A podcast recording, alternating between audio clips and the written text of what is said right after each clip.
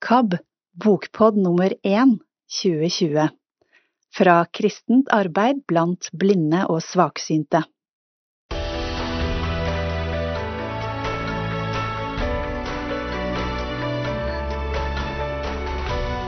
Nå lytter du til KABs flunkende nye bokprogram, KABs bokpod. Her vil vi gi litt service til de som er lånere i KABs lydbibliotek.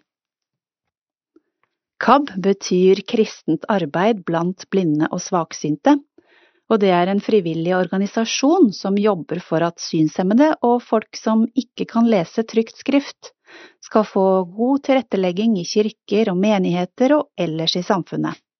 Vi arrangerer kurs og leirer, og leser inn mange bøker som kan lånes i lydbiblioteket vårt. Og i Bokpodden skal vi snakke om hva som fins i lydbiblioteket, og gjøre deg litt bedre kjent med noen av titlene. Kanskje får du lyst til å prøve noe annet enn det du vanligvis lytter til? Vi skal presentere boknyheter.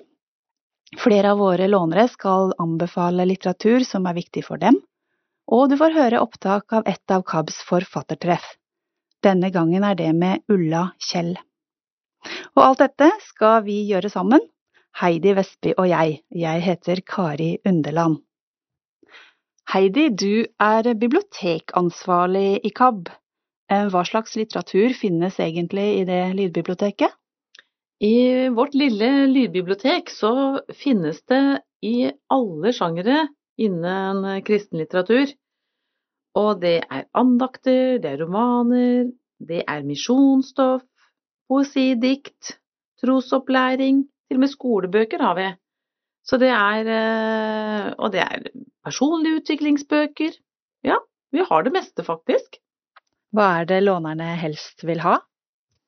Vet du hva, skal vi være helt ærlige, så er det kanskje ikke trosforsvarsbøkene som går mest. Det er jo de hyggelige romanene som du kan lytte til både tidlig og sent. Og du liksom blir kjent med karakterene og sånne ting. Det er det, det er det jeg har inntrykk av går mest av. Altså de gode historiene? Gode historiene. Mm. Det, det liker både unge og eldre mennesker. Og de låner gjerne de samme bøkene òg. Blant annet så hadde vi en sånn der roman som kom for tiden som het Brudekjolen. Og som var ganske sånn søt, men den eh, treffer i alle aldre, altså. Så det er sånn derre Å ja, ja, nei, du likte den du òg, ja. Ja, men så bra. så det er litt sånn. Mm. Hvor mange bøker finnes egentlig i KABs lydbibliotek? Eh, nå har vi runda rundt 2500 utlånbare titler. Er det sånn at hvis man har gode minner til en lydbok man hørte for mange år siden, f.eks. på kassett, at man kan lytte til det? Vet du, det kan du. Og det er stadig en jobb som vår lille avdeling Produksjonen gjør her i KAB. Og det er å få gamle bøker som er på bånd, eller til og med ja, kassett eller bånd, da, og digitaliserer de, så de blir til nedlast eller på CD-plate.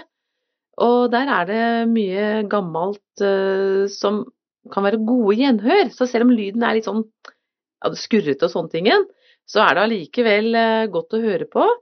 Og det er jo artig å mimre tilbake i, i tid òg, da. Med både lyd og uttale og sånne ting.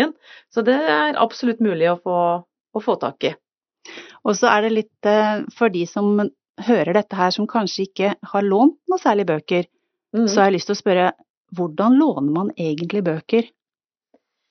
Ja, KABS sine bøker låner du på akkurat samme måte som NLB, for kanskje du er en av de som tilfeldigvis bare har kommet over KABs lydbibliotek, har lånt bøker i NLB i veldig lange tider. Og NLB, det er? Norsk lyd- og blindeskriftbibliotek.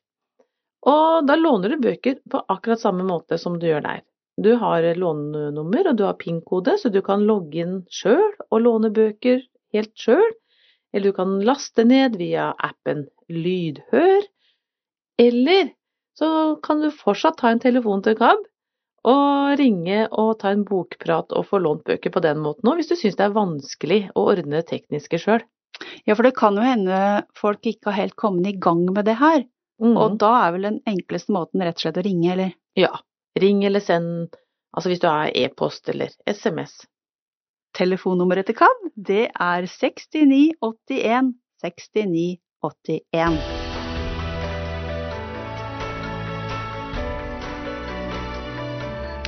Men nå, Heidi, vi vil videre til litt eh, nyheter, boknyheter. Hva har du Mm. tatt med til oss da? Jeg har lyst til å starte med eh, to romaner, som er en liten, altså foreløpig en liten serie. Kan ikke love bok nummer tre. Men det jeg syns er litt hyggelig, det er at forfatteren heter Berit Øverland, og hun er fra Norge. Og skriver ganske Jeg syns hun skriver ganske bra. Eller veldig bra. Men Betyr det at mange sånne romanforfattere i biblioteket er fra andre land, da, eller? Ja, det er det, vet du. Det er liksom spesielt spesielt fra USA, da. Og der kan det jo bli fort litt sånn eh, krøll med både stedsnavn og personnavn. Så her er det mer gjenkjennbart, og det er det mange som liker. Og disse bøkene her sånn har jo Den første boka, den heter da Frihetens arv. Og den har et boknummer som heter 803462 utgitt på Ventura forlag, og det er Per Christian Tofsrud som har lest inn begge bøkene. Og den eh, første boka er på litt over 13 timer, og den andre boka, som er bok nummer 803717, er på litt over 10 timer. Og her eh, følger vi ei eh, ung dame som er på en måte Finner ikke helt sin plass i sin biologiske familie, da. Hun er voksen, men en, og har vært tatt inn under vingene hos en eldre dame, og så dør hun. Og så viser det seg at hun arver jo mye. Eh, jeg vil si at hun har en sånn, litt sånn usympatisk, grisk familie. Men midt oppi dette her sånn, så er du en eh, hotellkongearving. Så her er det duket for mye dramatikk, og litt kjærlighet, da. Og historien den starter i Norge, men ender ute i eh, den ville vesten. Mm. Og det var bok nummer én, eller? Ja, den bok nummer én er den som starter i Norge. Ja. Ja. Er det samme mm, hovedperson i bok nummer to? Ja, Det er det. Så det er en uh, fortsettelse følger. Og klart, du kan jo klare å lese bøkene uavhengig av hverandre òg, men uh, de henger godt sammen, da. Mm. Så det er to romaner som jeg vil uh, ta sammen. Det er mange hyggelige timer der sånn. Og da var titlene Kan du gjenta det? Det skal jeg gjøre, vet du. Den første boka, den heter eh, Frihetens arv, og den andre boka heter Frihetens sommer. Det hørtes litt inspirerende ut å kunne følge en lang, god historie. Ja, Det var eh, et par romaner som er relativt nye. dem er det. Vi Mhm. skal videre til eh, litt annen type bok. Hva har du tatt med til oss da? Ja, det er en bok som kommer fra Verbum forlag, og den er, ikke helt uh, nyutgitt, men er nyinnlest. Og det er jeg ikke sikker på om den hadde klart å kunne bli lest inn noe særlig før, fordi den heter Veier til helhet, lær å meditere i kristen tradisjon. Og skulle man ha lest inn den for så mange år siden når den kom ut, så kan det hende at vi hadde blitt litt i stuss. Du tenker på at eh, meditasjon Mange tenker at det ikke Mm. passer inn i kristen tradisjon. Ja, Men når ble den boka egentlig gitt ut, da? da ble den egentlig gitt ut i eh, 2013.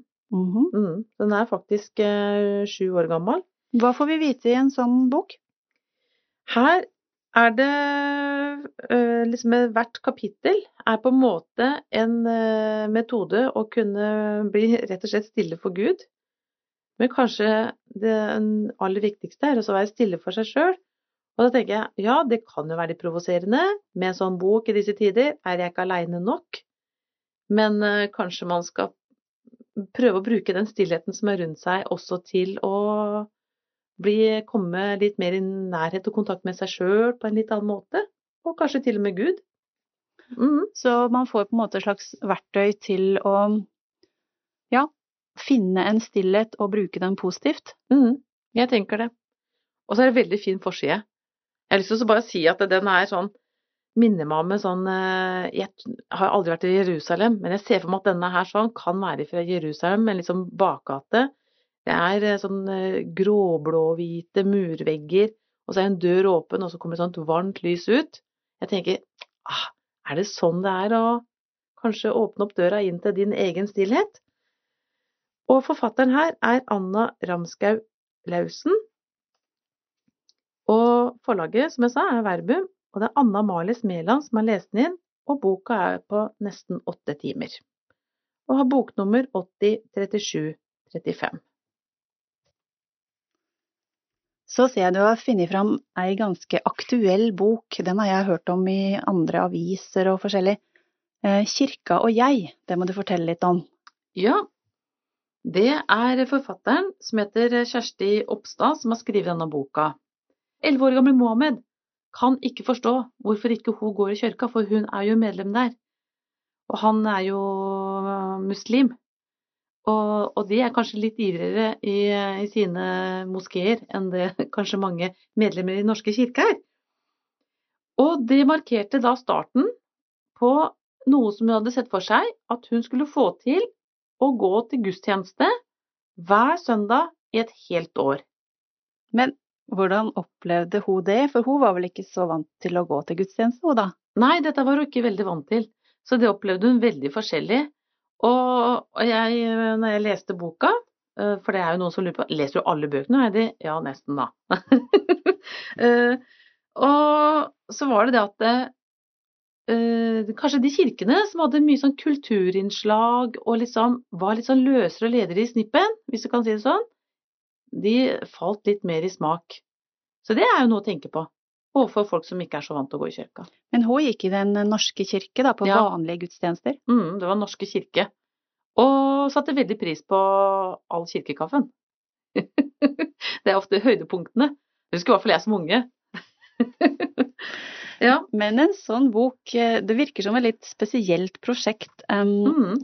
Hvem tror du den passer for? Hvem, hvem ville like å, å lese den? Altså, jeg tenker eh, Jeg tror de fleste vil like å lese den, jeg. Ja. Men uh, som jeg må si som Karlsson på taket, det må være passe alder, da. Jeg tror kanskje ikke de på 20-åra er så veldig ivrige der, men litt eldre. Og det er små stykker, og de forteller jo litt om utsmykningen og sånne ting nå, de forskjellige kirkene i Oslo. Og hvis man ikke er så godt kjent i hovedstaden vår, så er det jo en fin måte å bli kjent på. For det er jo forskjellige bydeler og forskjellige områder og sånne ting, og forteller om de forskjellige kirkebyggene og arkitektur og Men kan, litt sånne ting òg. Kan det være sånn at folk som ikke er vant til å gå i kirken, mm. at uh, man kan lytte litt til den boka som en, noe med en litt lavere terskel, og så på en måte finne ut mer om hva som finnes der, da? Ja, den er veldig bra som introduksjon, for hun forteller jo ganske åpent om det, da. At uh, for eksempel den der uh, så skal du stå, og så skal du sette deg ned, og så er det en salme, og så er det en bønn, og så er det Å, er det kollekt også. Og så er det noe som skjer oppå veggen, ikke sant, med prosjektor, og så er det andre, og så er det sangark. Altså det er jo kanskje mange som går i kirken ikke tenker over, som tar som helt selvfølgelig. Og så kommer det her noen som ikke har vært i kirka på 30 år. Og det har skjedd mye i Den norske kirke på 30 år som eh, bare Å ja, er det sånn det er? Mm. Men har forfatteren en slags konklusjon på det her prosjektet? Eh, konklusjonen eh, Uten å røpe alt, egentlig, da. Nei, jeg skal men... ikke det. Men som hun sier på slutten Jeg vil også takke Kirka fordi den gjennom hele et år har tatt så godt imot meg og prosjektet mitt. Jeg har hele veien vært ærlig om det jeg har opplevd, men jeg har også forsøkt å være rettferdig mot dere. Det syns jeg dere fortjener, sier hun. Mm. Mm. Da kan du få si boknummer og ja. sånne ting. Og så, mm. Boknummeret er 80 37 08. Og boka heter jo 'Kirka og jeg', og den er lest inn av Randi Guddal. Og er på drøye syv timer, og er fra Vårt Land Forlag. Så har vi tatt fram ei bok med en ganske spesiell forside. Det er et bilde som alle vi som ser, kjenner igjen. Det har gått igjen mye i media, og, det er et veldig sterkt og spesielt bilde som setter tonen for denne boka. Heidi, nå må du forklare. Ja. Eh, bildet viser ei eh, naken, tynn jente som løper gråtende og skrikende eh, bort ifra den bomba som smalt over Vietnam. Så det er eh, Og hun som er på det bildet, har plutselig nå fått et navn. Og hun heter Kim Puk Pan Thi. Og hun har nå skrevet bok om historien sin. Og det er en ganske sånn sterk historie. Og for eh, selv om det er flere tiår siden dette her grusomme bildet ble tatt, og det verserer og det verserer og det verserer, og så kommer nå historien som var etter det bildet. Og her, denne lille jenta, hun blei bare rett og slett plassert på likhuset overlatt til seg sjøl for å dø. Så dette er en sann historie? Dette er en sann historie. Og det er ikke alle sånne sanne historier som alltid er skrevet av de som opplevde det sjøl, blir så gode. Men denne her syns jeg er veldig bra. Og det hun forteller her, er jo noe som man ikke veit. Det er jo at hun blei jo brukt som propaganda av kommunistene etter dette her sånn. For å vise fram det vellykkede. Så hun fikk jo ikke noe fritt liv etterpå. Og hun hadde sterke smerter, for uh, ut ifra dette uh, svart-hvitt-bildet, uh, mest i gråtoner, så ser man ikke brannskadene hennes. Og de har hun jo levd med i alle år etterpå. Så det, her får vi et møte med noe som kalles for napalmjenta. Altså det er jo det det var. Og boka heter det. Og undertittelen er 'Reisen gjennom Vietnamkrigens grusomheter til tro, tilgivelse og fred'. Og det var jo det som redda henne, med tro og tilgivelsen. Eh, ble hun kristen? Hun ble kristen. Mm. Men eh, jeg har frist i minne, jeg, om kommunisttida. Jeg er jo begynner å bli såpass gammel at eh, det var ikke bare bare å bli kristen i et kommunistisk land, og kanskje enda vanskeligere hvor i et land hvor eh, det å ære eh, de eldre, og spesielt foreldrene, er eh, veldig høyt i kurs. Så hun, Kim Puk Pan Ti har overlevd til tross for, og så, som i veldig mange av Kavs bøker, så går det bra. Mm. Lever hun ennå, eller? Ja, hun gjør det. Og har eh, til og med fått seg familie, og, og, foreldrene hennes også fikk det bra etter hvert, ikke sant, for de ble også utstøtt fordi hun valgte å snu ryggen til kommunistregimet og fedretro. Så det er, eh, det er mye smerte i denne boka, men eh, smerten fører også til noe godt til slutt her, da, og det er litt fint å lese. Mm. Hva skal man søke på hvis man ønsker å finne den boka? Ja, denne boka her har boknummer 803720, og den heter Napalmjenta, er utgitt på Hermo forlag, og det er jo Randi Hasselgaard som har lest boka, og den er på 11 timer og 7 minutter. Så den er absolutt en uh, lesverdig bok, og jeg kan jo bare si det at jeg har allerede fått én tilbakemelding på ei som har lånt boka. En godt voksen dame på litt over 100 år som sa det var så sterkt å lese. Hun klarte nesten ikke å legge den ifra seg. Så det vil anbefales. Mm. Vi går videre. Ja. Og nå har du funnet en helt annen type bok. helt annen type bok, vet du. Og det er det som er så gøy å jobbe med bøker. Jeg bare elsker det. ja, og så ja. her i Bokpodden så vil vi jo gjerne komme med forskjellige ja. sider av det vi har. Ja. Så nå vil vi høre litt om hva du har funnet her. Ja, nå er vi til Modum Bad, og der er det jo flinke folk som har hjelpa veldig mange. Men Modum Bad, hva er det mm. Modum Bad, det er et, eh, skal vi si, et eh, retreat, rekreasjon, et eh, sted hvor du kan komme og søke og få hjelp hvis du har opplevd noe traumatisk. Et, det er vel et behandlingssted? Ja, det er behandlingssted Det er psykologer der og Ja, psykologer og terapeuter. Om det er for din egen del, om det er for samlivet, om det er etter sykdom. Underveis i sykdom så veit jeg at de støtter mange og hjelper veldig mange. Jeg lurer på om ikke det var Gordon Johnson, han uh, eldre norske legen i sin tid, som var med oss å starte dette stedet her sånn. Så det har røtter til langt, langt tilbake i tid og ligger utafor Drammen, mot Vikersund. Og denne boka er skrevet av noen som jobber der, eller? Ja, det, det er den. Eh, og som det står litt sånn innledningsvis, denne boka henter fram lang erfaring fra Olavskirken og sjelesorgrommene på Modum Bad. De tre forfatterne, Inger Ma Bjønnes, Jon Erik Bråten og Leif Gunnar Engedal, vet hva de skriver og snakker om, og de har reflektert grundig over det. Og det blir det klok innsikt av. Og denne boka inneholder temaer og tilnærminger som kan komme til å bevege deg, og så er vi jo skapt til å være i bevegelse, så kanskje det er godt å kunne bli flytta litt på. Mm. Og det er en bok som er for alle som ønsker å komme til litt sånn selverkjennelse, da. Og det syns jeg, det tror jeg og syns at det er flere som kunne kanskje tenke og trenge. Eh, så det er absolutt en bok som jeg vil eh, anbefale. Den heter Mellom ordene og ansiktet. Så bare tittelen er jo litt sånn derre hmm. Mellom ordene og ansiktet? Hmm. Er det det som skjer mellom to personer, eller er det mellom det du sier og hva du uttrykker?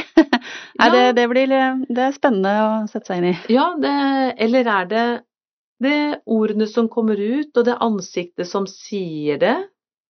Er det samsvar der sånn? Eh, man kan jo uttrykke glede, men så viser ansiktet ditt smerte.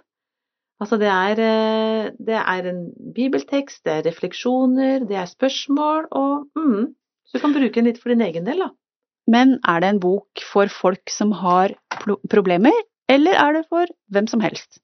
Jeg tenker at det er for hvem som helst, jeg. Ja. Litt sånn livshjelp underveis.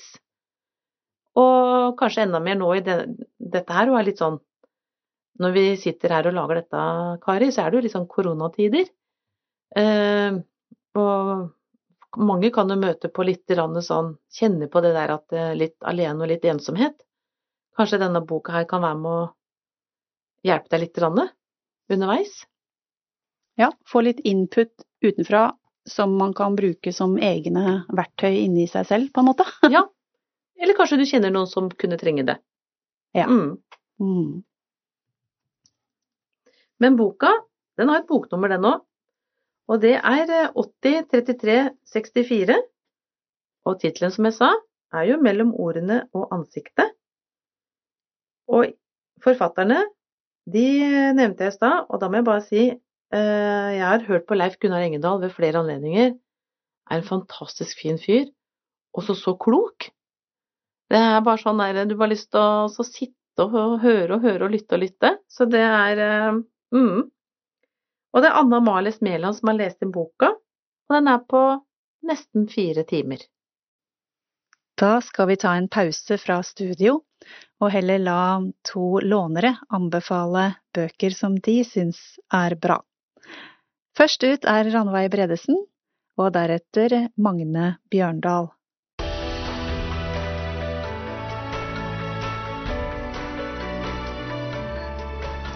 En god bok for meg er en bok som jeg kan få noe ut av. I disse tidene når ting er ganske kaotisk, så vil jeg anbefale en bok som heter Tilbake til nåtid. Den er utgitt av Modum Bad og handler egentlig om traumebehandling. Men de ti siste kapitlene i boka er veldig relevante for den situasjonen vi er i nå. I tillegg har boka veldig mange fine øvelser som handler om å kunne grunne seg i nåtid, og ikke bekymre seg for framtid eller å grave seg ned i fortid. Jeg har brukt denne kjempemasse sjøl, og ja, den har vært til god hjelp for meg. Det er en god del der jeg ikke helt forstår, og det lar jeg bare passere. Men det jeg kan ta med meg, det tar jeg med meg og bruker for alt det er verdt.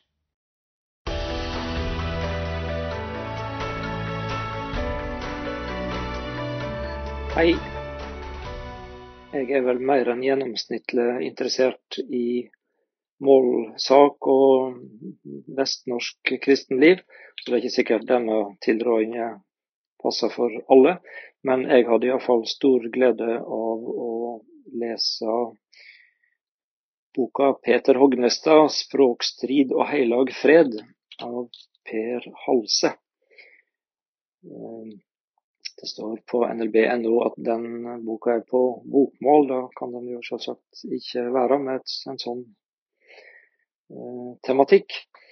Eh, det er Jan Bryteig som leser den, og han eh, mestra godt eh, oppgaven med å lese nynorsk, selv om bokmål jo er hans naturlige språk. Så dette gir eh, god innsikt, eh, selvsagt eh, mest i Petter Hognestad sitt liv, men òg mye interessant stoff om utviklingen i norsk målreising og norsk kirkehistorie fra slutten av 1800-tallet fram til midt på 1930-tallet.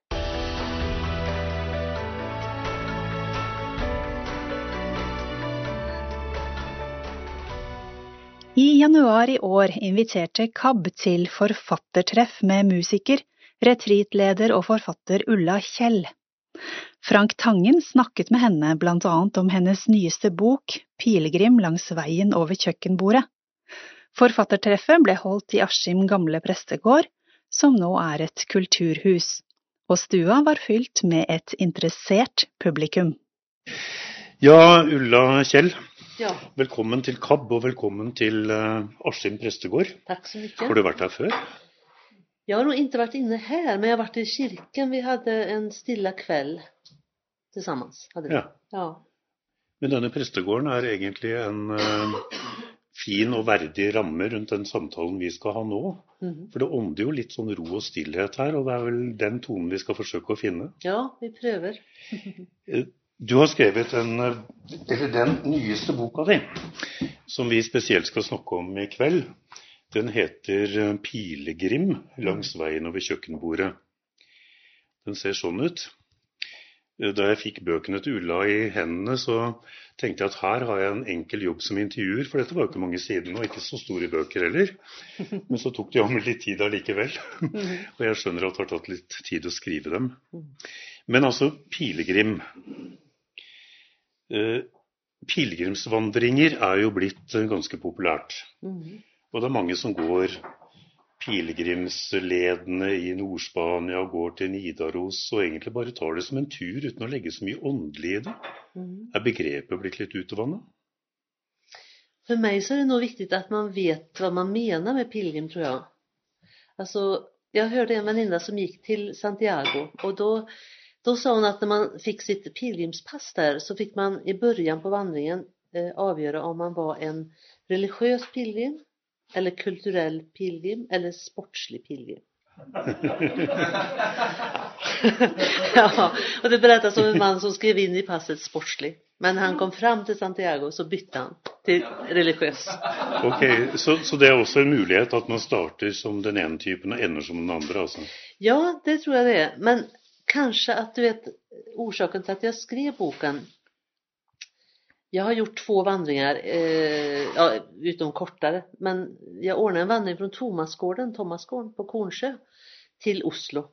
20 mil vandrade vi. Och då hade vi ordnat, det var världens förberedelser, vi hade ordnat övernattningar i kyrkor på vägen. Ja. Men då hade vi verkligen en nattvardsgudstjänst i början på dagen och de fick en impuls, något de kunde tänka på när de vandrade. Och vi hadde middagsbønn og kveldsbønn. Mm. Så för mig tror jag innehållet är viktigt, för jag var med om en annan pilgrimsvandring där det mer var att gå. Sportspilgrimen. Åt det hållet blev det kanske.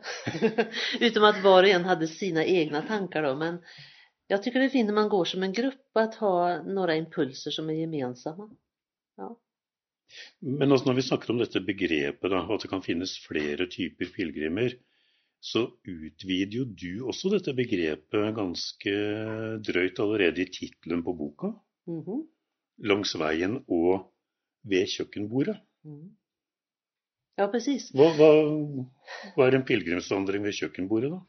Det er, det, er, det er, ikke lange turen, i hvert fall. Ikke lange turen, men det kan være lang indre reise. Det kan det være. Jeg tenker mer at eh, på samme sett som jeg sa før, du, vet, du kan gå en lang vandring og tenke at du vandrer pilegrim. Men att du inte har så många tankar liksom på det inre livet. Då är det kanske mindre pilgrimsvandring än om du sitter vid köksbordet. För det är också en inre resa kan det vara, tänker jag. Att du där liksom eh, kommer nära dig själv och tänker efter hur livet är. Jag tror, man säger ofta att det ordet eh, kommer från ett ord som betyder främling. Och när vi vandrar, eller också, det kan vara vid köksbordet också, så tänker jag på ett sätt att vara medveten om att, att vi är främlingar på ett sätt på jorden. Vi är på väg från något och till något. Så för mig tror jag det handlar om, som jag skrivit i början tror jag av boken, det här med att eh, eh, det handlar mycket om att se efter hur ser min livsvandring ut just nu? Vad är det jag längtar efter, ni vet? Hur har det varit? Att liksom eh, komma till sig själv kan man säga. Och så tänker jag så här att vad vill jag gå bort från, alltså lämna i livet? Och vad vill jag välkomna i livet? Vad önskar jag mer av? Alltså både besinna sig är ett bra ord. Att besinna sig och tänka hur ser livet ut nu? Vad önskar jag säga nej till? Vad önskar jag säga ja till? Så det är det pilegrimsferden handlar om? Å forlate noe og møte noe nytt? Ja, och sen för mig så handlar det också om relationen till Gud. Mm. Att uh, jag tänker hela livet är en, ja, jag skulle önska så att hela livet är en vandring med Jesus. Och då kanske väldigt tydligt en pilgrimsvandring att jag försöker både tänka efter hur jag tänker men också fråga honom och ha tystnad och fråga honom vad han vill visa. Vil du si at det er det denne boken handler om? Alltså när jag skriver böcker så har jag ofta försökt skriva dem ganska så här eh, enkelt så att oavsett vad man tänker om sin egen vandring med Gud eller, inte, att du ändå kan läsa en sån bok eller leva med en sån bok. Ja, för jag upplever när jag då har läst den, ja. och attpåtil flera gånger tror jag, så upplever jag att den är på en måte en väldigt enkel vägledning, väldigt praktisk. Ja, det önskar jag att det ska vara alltså. Och att du kan, alltså i alla mina böcker då så har jag skrivit väldigt kort egentligen. För jag önskar egentligen att, ni vet ju mer specifikt du skriver en bok, desto färre människor är det som känner igen sig. Ja. det är flera som faller av liksom. Jag försöker skriva väldigt enkelt så att, men ändå hoppas jag djupt, så att eh, människor fyller ut det som står där med sina egna liv och sina egna erfarenheter. Det är det jag skulle önska. Därför är det som du säger, du vet, det ser väldigt lite ut. Men om man ska verkligen leva det och få in det i livet så, så tar det tid. Mm. Och då är det ens egna erfarenheter och ens egen tro og liv som utfyller det som står. Kanskje vi skal snakke litt mer om de andre bøkene dine litt senere i kveld, men uh, det du sier der er jo veldig typisk for denne som heter Dagskorn. Uh, som egentlig er den korteste andagsboka jeg noen gang har sett. Ja. For uh, liksom ordet for dagen er på sånn tre-fire linjer, og så er det henvisning til bibeltekst og ferdig med det. Ja. Så det tar jo ikke lang tid. Men egentlig tar det lang tid, om du forstår? Ja, ok. for å få inn det i livet så tar det lang tid, men det står veldig kort. Ja, det gjør det. Mm. Ja. Men det ser overkommelig ut. Det er egentlig en bra regel når det gjelder det andliga. Okej. Okay. Ja, du vet, for ofte så sätter man opp stora planer som ser veldig flotta ut. Jeg skal lese hele Bibelen fra perm til perm i løpet av 2020 liksom. Ja, precis. Ja. Eh, og da kanskje det istället hindrer en fra å uh, utvikles. For man kanskje, det kanskje stopper seg selv, liksom. Men om man kan locka med noe lite, da sier jeg det her kan jeg klare. Det, det finns en sån andlig, eller ett andligt råd som jeg tykker mye om. Det er så här att börja med noe som er så litet så du nesten föraktar det. För då är det istället så att du börjar och så kanske du kan hålla ut över tid. Och så när längtan är där och när ja, lusten är där, då, då kan du utvidga det. Men börjar du med något jättestort så kanske du orkar två veckor. Ja, och så ger du upp kanske. Greit att ta med sig akkurat nu denna säsongen for nyttårsforsetter, kanskje. Jeg merker at du ja. prøver å lette meg for litt prestasjonsangst her nå. så bra. Ja. Men du, vi, eh, før vi går videre, vi må snakke litt om musikken din også. For eh, til bøkene dine så hører du også CD-er, og du har utgitt mye musikk. Eh, de av oss som ikke lenger har CD-spiller, finner mye av det på Spotify også. Mm. Og musikken skal vel Jeg oppfatter at det skal tjene til noe av samme funksjonen som det du skriver. Ja. Alltså den, musik är ju mycket men jeg skulle gjerne ønske liksom at, at musiken er en bønn. Det er min, det er min önskan. Samtidig som at det behöver inte, musiken behöver inte ha någon nyttofunktion for redan, jag tänker allt som er vakkert, alt som är, eh, det, det, det hör Gud til, tenker jeg. Og så tenker jeg at musiken är ett av språken som Gud kan nå våra hjärtan på. För någon så är det inte orden först och främst som träffar hjärtat, ni vet. För någon kan det vara naturen eller konst eller eh, träffa vänner eller ja. Kan, och musiken är ett av Guds språk, tänker jag. Så för mig är den väldigt viktig. Så därför, eh, till exempel du vet ibland när jag håller föredrag eller så, så spelar jag in emellan. Det är som en landningsyta där orden kan få få tränga lite djupare. Det är tid för eftertanke och sen kan det bara vara förhoppningsvis det vackra. Du, vil, eh, du har lovet å spille litt for oss i kveld. Ja, Jeg tror tiden er inne nå. Ja. Eh, Hva vil du spille? Jeg skal begynne med Be Thou My Vision. Ok. Ja. Vil, er, vil du si noe om det på forhånd, eller? Altså, det, det, det tror jeg at det behøves. Det er en salme fra den norske salmeboken også, så man, flere kjenner noe igjen det kanskje. Da skal jeg bare hjelpe deg litt med mikrofonen mens du flytter deg over i den andre stolen, som er litt mer egnet for gitar. Ja.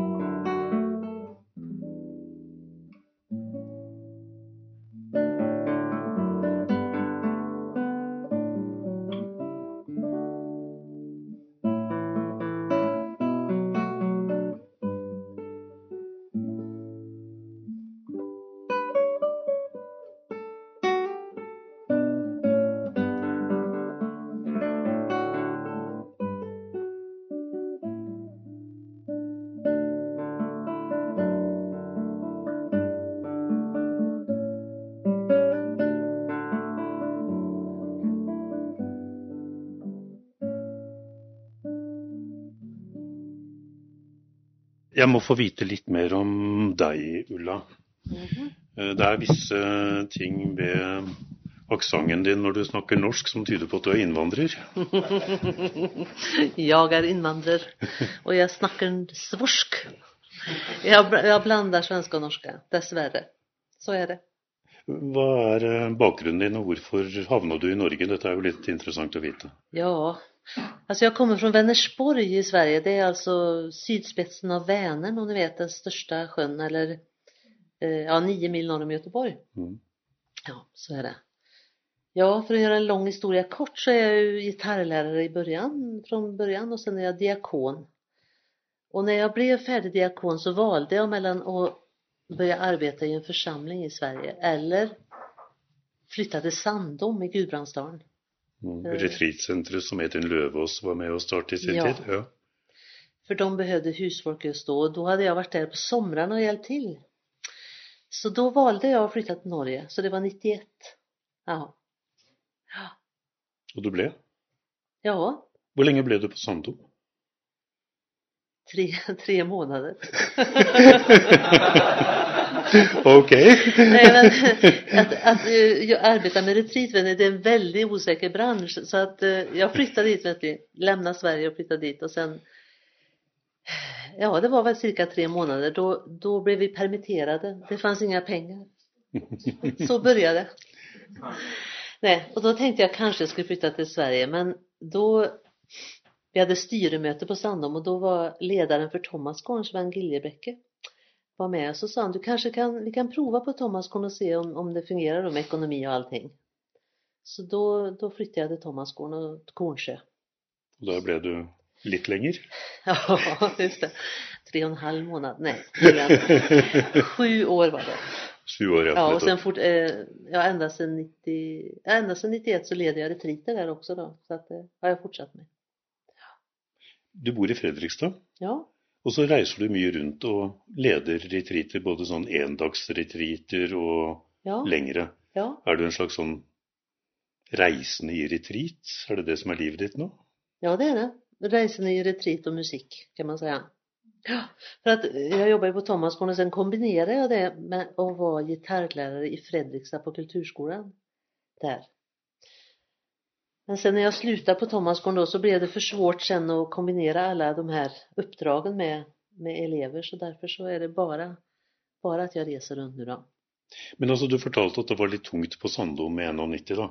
Ja, med pengar, ekonomin och Ja, dåliga. men, men, men har på en måte interessen for retreat og retreatbevegelsen tatt seg opp i alle de årene som har gått siden? Ja, det har, det har växt något väldigt alltså. För att när jag flyttade till Norge då var det ju mest kan vi säga då eh, Liagård, Sandholm och Thomasgården. Sen fanns det små ställen också men, men nu är det många fler ställen och intresset ökar alltså. Jag tror det är väldigt många idag som längtar efter det med tystnad, med stillhet och få stänga av mobiler och så bara vara närvarande här och nu. Och söka Gud. Ja. For de som ikke har prøvd ut sjøl, forklare hva et retreat egentlig er. Altså, hva, hva gjør man da? Ja, hva gjør man? For det første så kan man si at det er fra Markus 6 og vers 30 der det står at Jesus sier 'følg med meg bort en øde trakt så at vi får være ensomme og ni kan hvile litt. Det er egentligen, tycker jag, nyckelordet for et då. Så det er på en måte å ta Jesus på orden og så, alltså, och få ett avstånd till vardagen från allt det viktiga vi står i med relationer och allt vi gör och så.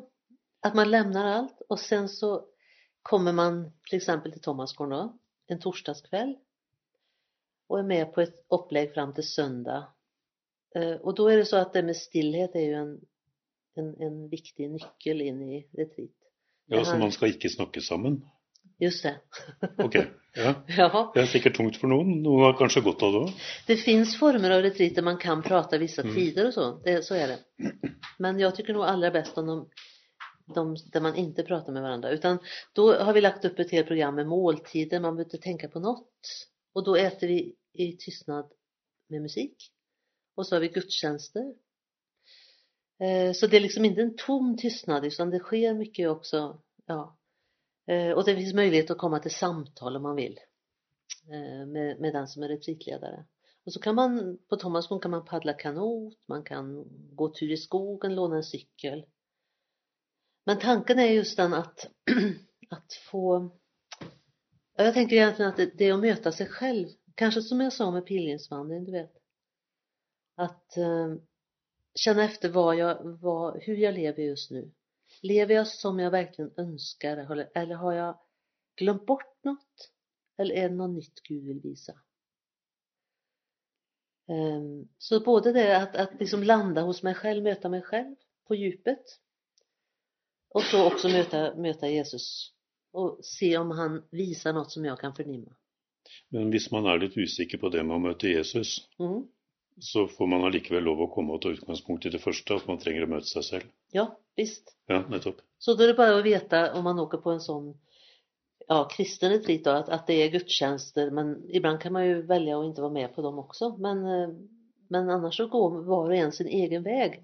För att just att det är tystnad, vet ni, då behöver man inte svara liksom um, man, man behöver inte liksom svara på några frågor, man kan bara leva sitt eget, sitt eget liv der tillsammans med de andre. Ja, så det er ingen som avkrever deg et vitnesbyrd eller at du skal yte noe, på en måte? Nei, Nei, nettopp. Mm, mm. ja, precis.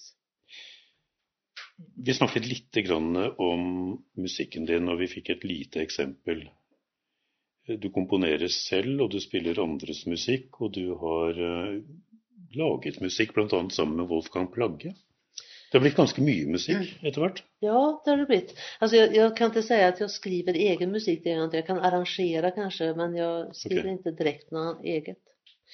Nei, det har blivit... eh, Det var på ett sätt, ni vet, jeg, jeg, kom ut til Norge for å arbeide med retreat og da hadde jeg mer tenkt at jeg kanskje lämnar musikken litt.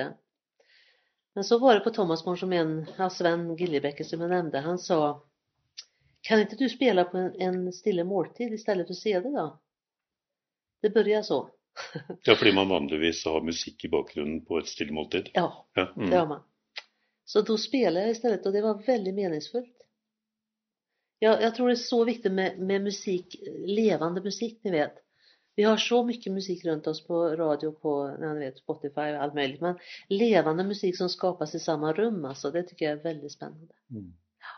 Men eh, hva vil du spille for oss nå? Då ska jag spela, eh, spela Väntan, heter det, som en vän till mig, Dan-Erik Salberg har skrivit till mig.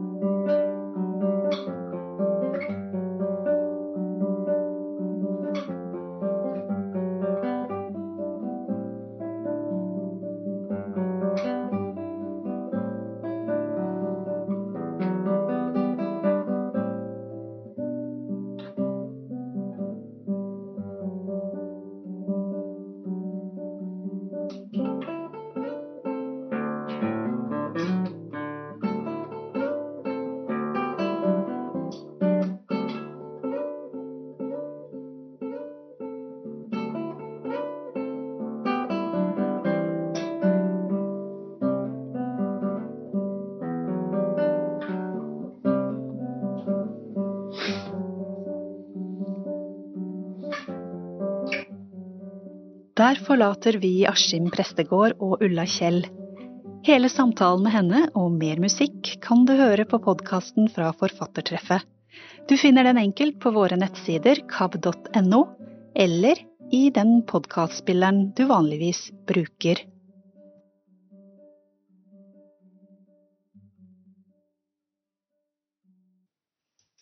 Hilde Løven Gromstad jobber i KAB som diakon. Nå vil hun komme med noen bokanbefalinger.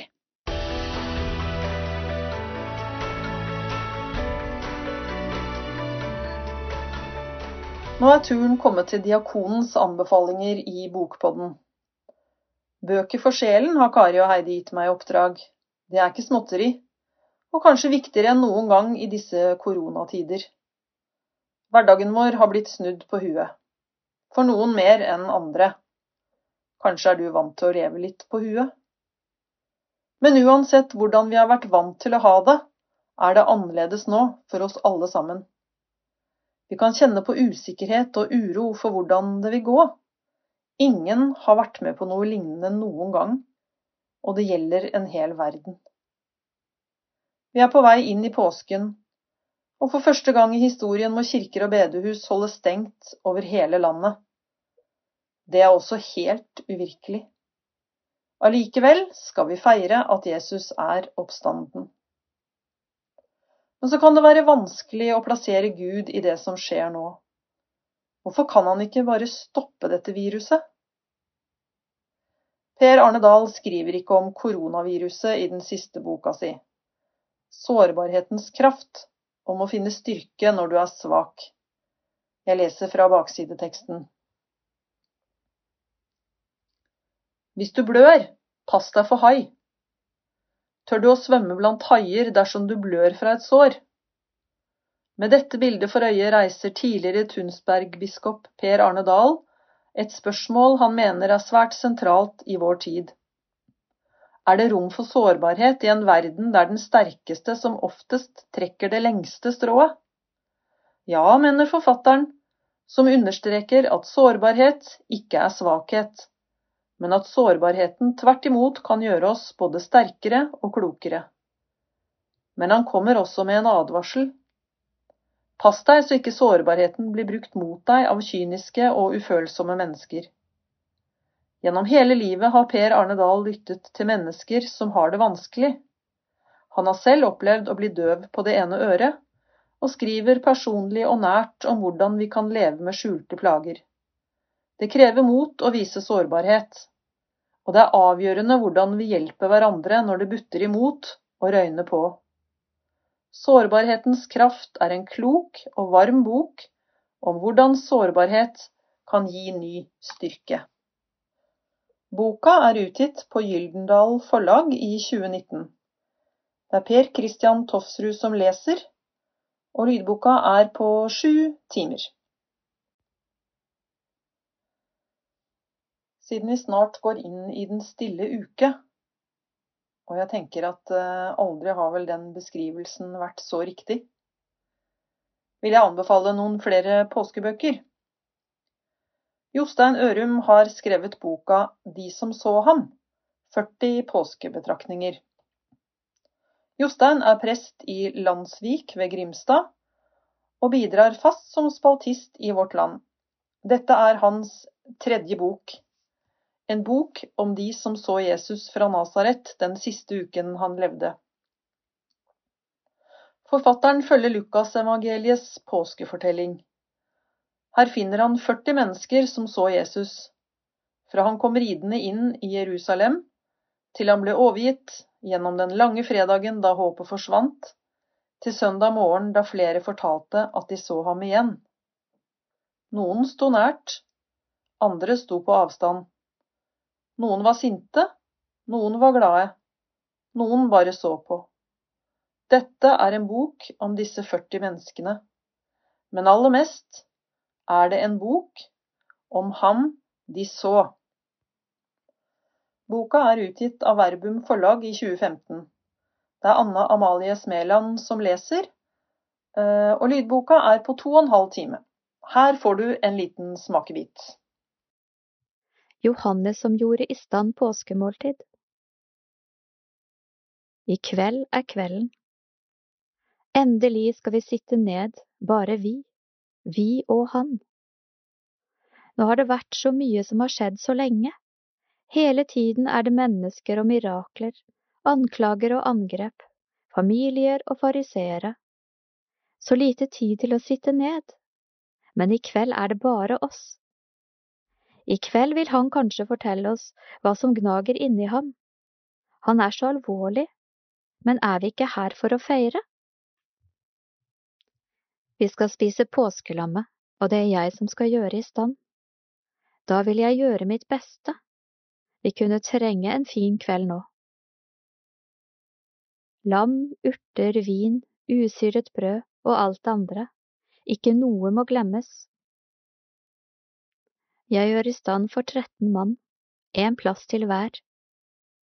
Til Jesus, til Andreas, til Bartolomeus, til Jakob broren min, til den andre Jakob, til Simon, Seloten, til Judas Iskariot, til Judas, Jakobs sønn, til Philip, til Matteus, til Simon Peter, til Thomas og til meg selv, Johannes.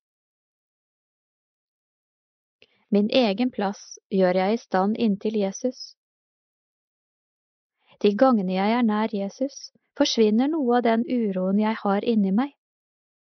Slik har det vært så lenge jeg har kjent ham, men enda mer nå i det siste. Jeg har blitt engstelig for hva som vil skje.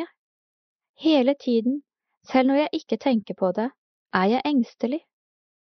For meg, for ham, for i morgen. Jesus er også engstelig. Alle merker det. Jeg håper å se smil lyse opp i ansiktet hans i kveld. Det har vært så få den siste tiden. Kanskje jeg kan trøste ham? Og kanskje jeg kan få ham til å dele noen av de tunge hemmelighetene med oss, til å si hva han tenker på, fortelle hva som skal skje videre, og hvorfor han er blitt så annerledes. For i kveld er kvelden, og det er ingen andre, bare vi og ham. De spurte, Hvor vil du vi skal gjøre i stand? Hør, sa Jesus. Straks dere kommer inn i byen, vil en mann som bærer en vannkrukke møte dere. Følg etter ham til det huset han går inn i. Si til eieren av huset. Mesteren spør, hvor er rommet der jeg kan holde påskemåltid med disiplene mine? Da skal han vise dere et stort rom ovenpå med tepper og puter. Der skal dere stelle i stand. De gikk da av sted og fant det slik som han hadde sagt og de gjorde i stand påskemåltidet. I lydbiblioteket vårt finner du også en barnebibel redigert av erkebiskop Desmond Tutu fra Sør-Afrika. I denne boka forteller han 56 kjente og mindre kjente bibelhistorier. Med visdom og livserfaring minner han om at vi er Guds barn. Boka er utgitt på IKO og Bibelselskapet i 2011. Det er Helga Samset som leser, og lydboka er på litt over to timer. Her får du en smakebit. Jesus lever. Gud reiser Jesus opp fra de døde. Lukas og Johannes. To dager etter at Jesus døde, gikk Maria og noen andre kvinner til grava der han var lagd. De ble sjokkerte da de så at steinen som hadde sperra for åpninga, var rulla til side. De kikka inn. Jesus var borte. Da kom to engler i strålende klede og sa til dei, Hvorfor ser de etter Jesus her? Jesus lever. Gå og fortell det til de andre. Kvinnene skunda seg av gårde til læresveinene. Først var det ingen som trodde dei, etter ei stund samla læresveinene seg for å snakke om det som hadde skjedd. Plutselig sto Jesus der, rett framfor dei. Fred være med dykk, sa Jesus. Læresveinene var så redde at de klynga seg til hverandre og skalv. Men Jesus sa, Ikke vær redde, det er meg. Sjå på hendene og føttene mine, ta på meg. De kunne likevel ikke tru at Jesus var i live. Gi meg litt fisk, sa Jesus. Han tok fisken, og han åt, og endelig trudde læresveinene. Jesus var i live, og han var der hos dei. De ble så glade. De lo og klappa i hendene av bare glede. Kjære Gud, Hjelp meg så jeg ser at Jesus lever.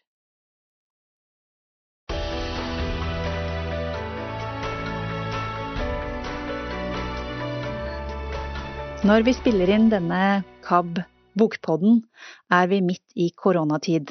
Det er mange restriksjoner som gjør at folk ikke kan treffes. Vi i KAB har starta et par nye tilbud. Vi har eksempel Oppmuntringstelefonen, der kan man ringe et helt vanlig telefonnummer og få litt inspirasjon. Man kan høre en kort andakt, det kan være et dikt eller et bibelvers, og den er oppe og går gjennom påska og videre. Telefonnummeret er 40 80 10 20. Vi har også laget eh, egen nettradio. Da kan du gå inn på KABs hjemmeside kab.no og finne en lenke og klikke på den. Så vil du kunne høre alt fra Barnas lydavis fra 80-tallet til mye annet som ligger i KABs arkiv. Selvsagt ligger det også nyere ting der, som KAB-podden og intervjuer. Og den sender 24-7, eh, så når som helst på døgnet du har lyst, så kan du klikke deg inn på KABs nettradio, og så er det å lytte til det som måtte komme. Jeg har også bedt Frank Tangen om å fortelle litt om hva som finnes av podkaster på vår hjemmeside kab.no. KAB har allerede et visst tilbud av podkaster, og i tida framover vil du stadig kunne finne mer. KABpod ligger selvfølgelig tilgjengelig på de plattformene der du vanligvis laster ned podkaster, men du finner også flere produksjoner enten på disse plattformene eller via kab.no, våre nettsider. En av de større seriene har tittelen Å leve med tap. Hvordan kommer man videre etter å ha opplevd et alvorlig tap? I denne serien møter vi mennesker som forteller sin historie, og hva som hjalp dem videre. Heidi Halvorsen, som du møter i første episode, ble gradvis blind pga. en øyesykdom. Senere fikk hun en ny, alvorlig diagnose. I den eh, neste episoden møter du Odd Jarle Eidner, presten som mistet to barn, og troen på Gud. Videre i serien Lise og Magne Lunde, Kristin Berg, Hilde og Kåre Grumstad, Margrethe Wallumrød og Asbjørn Gabrielsen. Og to ganger i løpet av serien møter deltakerne hverandre og psykolog Kari Halstensen for å reflektere sammen om sine erfaringer. Så har vi også noen innslag liggende fra tidligere lydaviser som du kanskje gikk glipp av.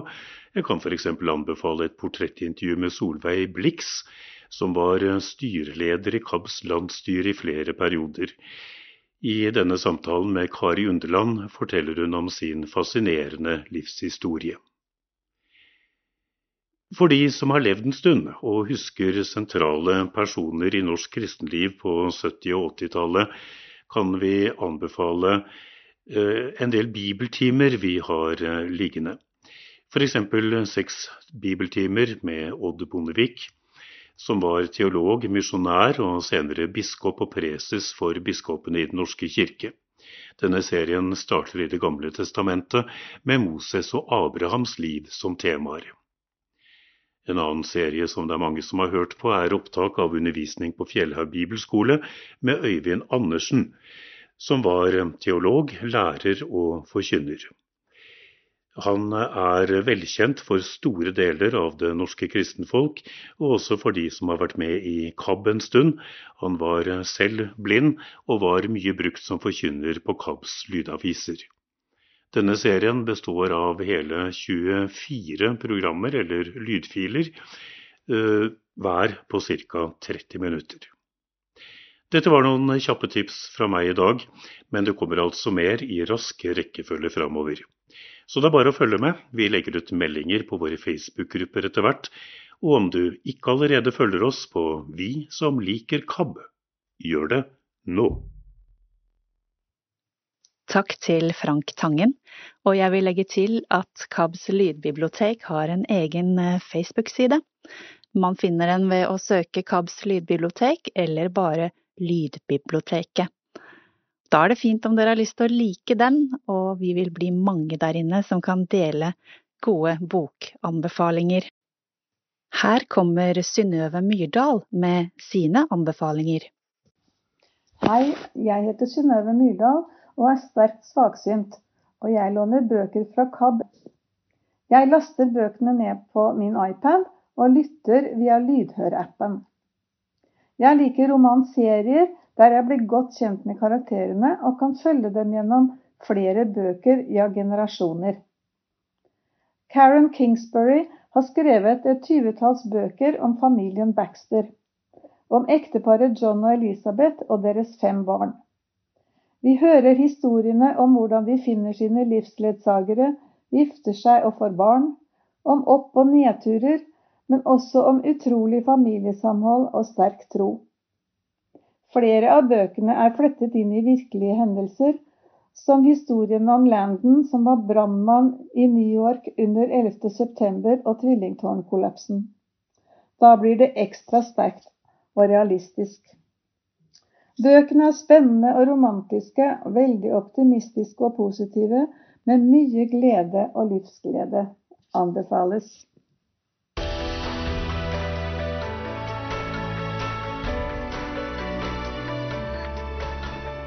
Heidi Vestby, du er tilbake i studio.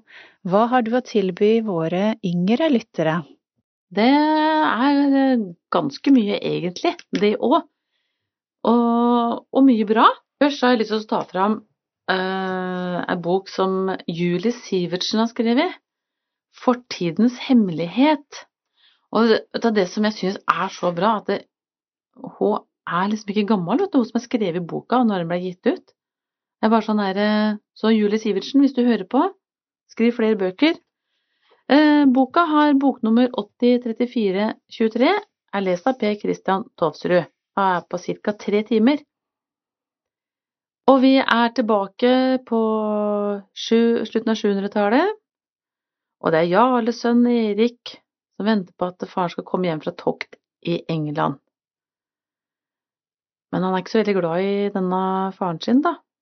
Sikkert fordi den tida der var det jo ikke akkurat så veldig mye sånn far-sønn-forhold, tenker jeg.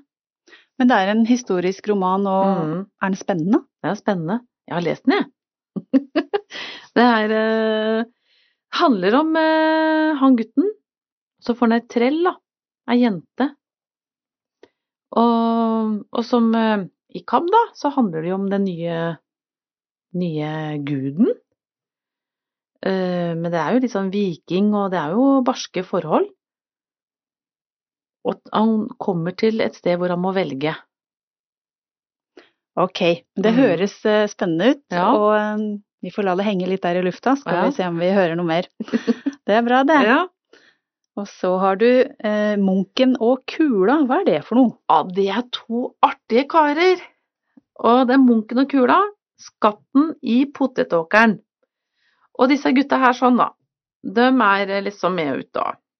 De sykler, og de sykler til skolen og sykler hjem fra skolen, og de kolliderer, og, og ting blir ødelagt, og det er krasj og greier, da. Og disse gutta, de eh, går i, uh, i tredje klasse, da. Og det er liksom sånn De har jo liksom sånn egen oppfattelse av virkeligheten, disse gutta her. Og ofte så er det noe de hører på søndagsskolen som gjør at de finner løsninger da, på de eh, problemene de kommer opp i. Og kanskje ikke det går alltid sånn som de hadde sett det for seg heller, disse gutta her sånn. Hvilken aldersgruppe vil du anbefale den boka for? Uh, altså, de går jo i tredje klasse, så jeg tenker at uh, sånn Hvis du går i første eller andre tredje, ja, og så er det en annen historisk eh, roman, eller drama, fra 1100-tallet, og det er 'Katedralen på Tjoddalyng'. Og dere som er litt eh, lokale, veit jo at hm, er ikke det ute i Vestfoldkanten? Jo da, det er helt riktig.